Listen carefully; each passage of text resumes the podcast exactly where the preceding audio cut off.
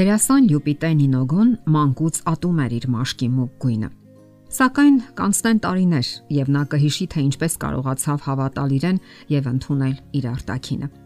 Նա շահեց Օսկարի մրցանակ ստրկության 12 տարիները ֆիլմում Փեցսիի դերը լավագույն ձևով խաղալու համար։ Նա համարվում է նաև Lancome դիմահարդարման նյութերի ֆիրմայի գեղեցկության խորհրդանիշը։ Ահա թե ինչ է գրում նա։ Ես ցանկանում եմ խոսել գեղեցկության մասին,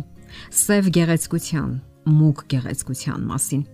Վերջերս ես նամակ ստացա մի դեռահաս աղջնակից։ Նա գրում է. Սիրելի Լյուպիտա, ես այն կարծիքին եմ, որ դու իսկապես երջանիկ աստղի տակ ես ծնվել։ Այդպիսի մուկ մաշկով դու մի գիշերվա մեջ հաջողության ես հասել Հոլիվուդում։ Ես համարյա որոշել էի պայծառ գույներ գնել, որ գոնե մի փոքր փոխվեմ, սպիտակեցնեմ իմ մաշկը։ Սակայն ահա աշխարհի քարտեզի վրա հայտնվեցիր դու եւ փրկեցիր ինձ։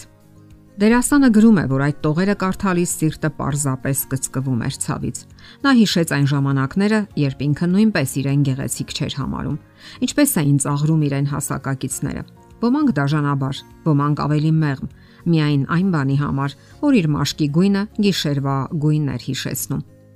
Ապա շարունակելով միտքը գրում է, որ այդ ժամանակ իր միակ աղոթքը հրաշքներ կյանքի կոչող Աստծուն աղերսելն էր, որ մի օր արթնանա ու տեսնի թե ինչպես է մաշկն ավելի սպիտակ դարձել։ Ամեն անգամ արթնանալով նա հրաժարվում էր նայել իր մաշկին, բայց նաև վազում էր դեպի հայելին, տեսնելու թե ինչ հրաշք է կատարվել։ Թե արդյոք ինքն արդեն գեղեցիկ ու ճերմակ մաշկ չունի։ Սակայն ամեն օր նրան հիասթափություն էր սպասում, որովհետև նա շարունակում էր մնալ նույնը՝ նույն մուկ մաշկով լյուպիտեն։ Նա փորձում էր գործարք կնքել Աստծո հետ։ Խոստանում էր, որ գիշերներն այլևս շաքարի խորանարթիկներ չի գողանա բուֆետից, եթե նա կատարի իր խնդրանքը։ Խոստանում էր լսել մայրիկին եւ երբեք այլևս չկորցնել դպրոցական վերնազգեստը, եթե միայն դեմքն ավելի սպիտակ դառնա։ Գոնե մի կարճ ժամանակով։ Նա հումորով մի քիչ էլ հիասթափված նկատում էր, որ Աստծուն այնքան էլ չեն հիացնում իր խոստացած կաշառքները, քանի որ ինքը մնում է նախքին լյուպիտեն՝ մուկ սև մաշկով։ Հասունանալուն զուգընթաց ատելությունն ինքն իր հանդեպ ավելի սաստկացավ։ Այդ անցումային տարիքում հաճախ է պատահում այդպես, իսկ երբ ավելանում է մեկ ուրիշ պատճառ, ապա սթրեսն անխուսափելի է։ Որքան էլ մայրն ասում էր, որ սիրում է նրան եւ գեղեցկուհի է համարում, դա չէր մխիթարում աղջկան։ Սակայն ահա միջազգային ասպարեզում հայտնվում է մոդել Ալեք Վեկը, Նա մուք էր ինչպես գիշերը եւ բոլոր ցուցադրական հարթակներում քայլում էր հպարտ կեցվածքով։ Բոլորն ասում էին, որ նա իսկապես գեղեցիկ է։ Եվ ապագա դերասանը դժվարությամբ ընկալեց, որ կարող է գեղեցկուհի համարվել մեկը, ով այնքան նման է իրեն։ Եվ սկսեց հաղթահարել իրեն համակած նախապաշարումը։ Ամեն անգամ տեսնելով Ալեկվիկին, նա տեսնում էր իր արտացոլանքը եւ վստահությամբ էր լցվում։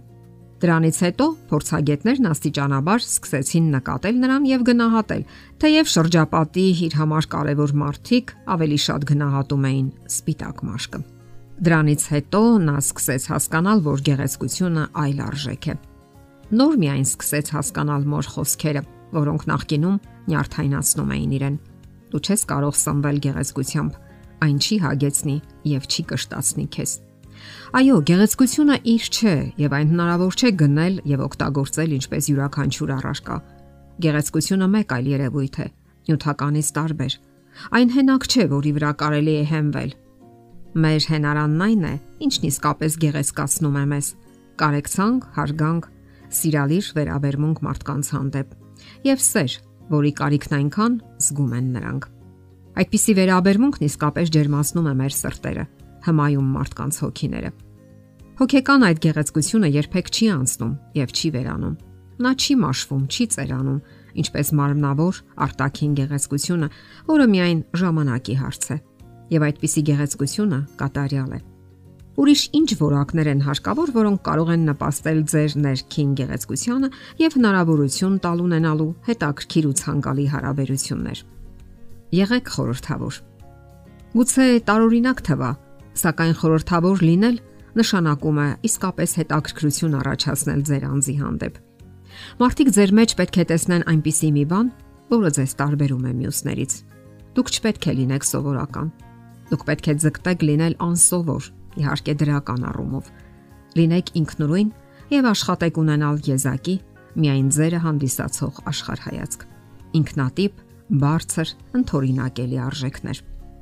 Դուք պետք է նաև հաղթահարեք ձեր ներքին վախերը։ Ներքին վախերը շատ մարդկանց են խանգարում։ Դա պարզապես ջլատում է մարդու հոգեկան աշխարհը եւ կատվածահար անում ստեղծագործական ունակությունները։ Երբ դուք առավոտյան արթնանում եք եւ մտածում ինչ անել, այդ պահից էլ սկսվում է ամեն ինչ։ Ինչպես եք հակնվում, ինչ սանրվածք եք ընտրում։ Որքան էլ ազատ ու անկախ պատկերացնեք ձեզ, միևնույնն է, մտածում եք, թե ինչ կմտածեն մարդիկ ձեր մասին, ինչպիսին է ձեր արտակինը եւ նույնիսկ դեմքի արտահայտությունը։ Ահա թե ինչու շատ կարևոր է, որ կարողանաք մնալ ինքներդ ձեզ հետ այն աշխարհում, որն ամեն պահի ցանկանում է փոխել ձեզ տանել համահարթեցման ու վերածել միջակության։ Եվ ի վերջո, ո՞րն է ճշմարիտ գեղեցկությունը։ Ճշմարիտ գեղեցկությունը ձեր արժանապատվությունն է։ Ձեր անհատականությունը։ Մարդուն որպես անznավորություն հարգում են նրա գիտելիքների, նվաճումների, փորձառության եւ առաքինի որակների համար։ Գեղեցկությունը չի գնահատվում միայն արտաքին հատկանիշների հիման վրա, Դիմացիները հարգանք եւ անգամ երկյուղացություն են զգում նրանց հանդեպ, ովքեր ուժեղ բնավորություն ունեն, պատասխանատու են իրենց քայլերի համար։ Կարեկից են գթասիրտ, սիրում են մարդկանց։ Ձգտեք կերտել ձեր ներքին գեղեցկությունը։ Մնացածը ինքնին կտրվի ձեզ։ Եվ երբեք մի կասկածեք, որ մնայուն արժեքներն են գեղեցկացնում մարդուն։ Եթերում ճանապարհ երկուսով հաղորդաշարներ։ Ձեզ հետ է Գեղեցիկ Մարտիրոսյանը։ Հարցերի եւ առաջարկությունների համար զանգահարել 033 87 87 87 հեռախոսահամարով։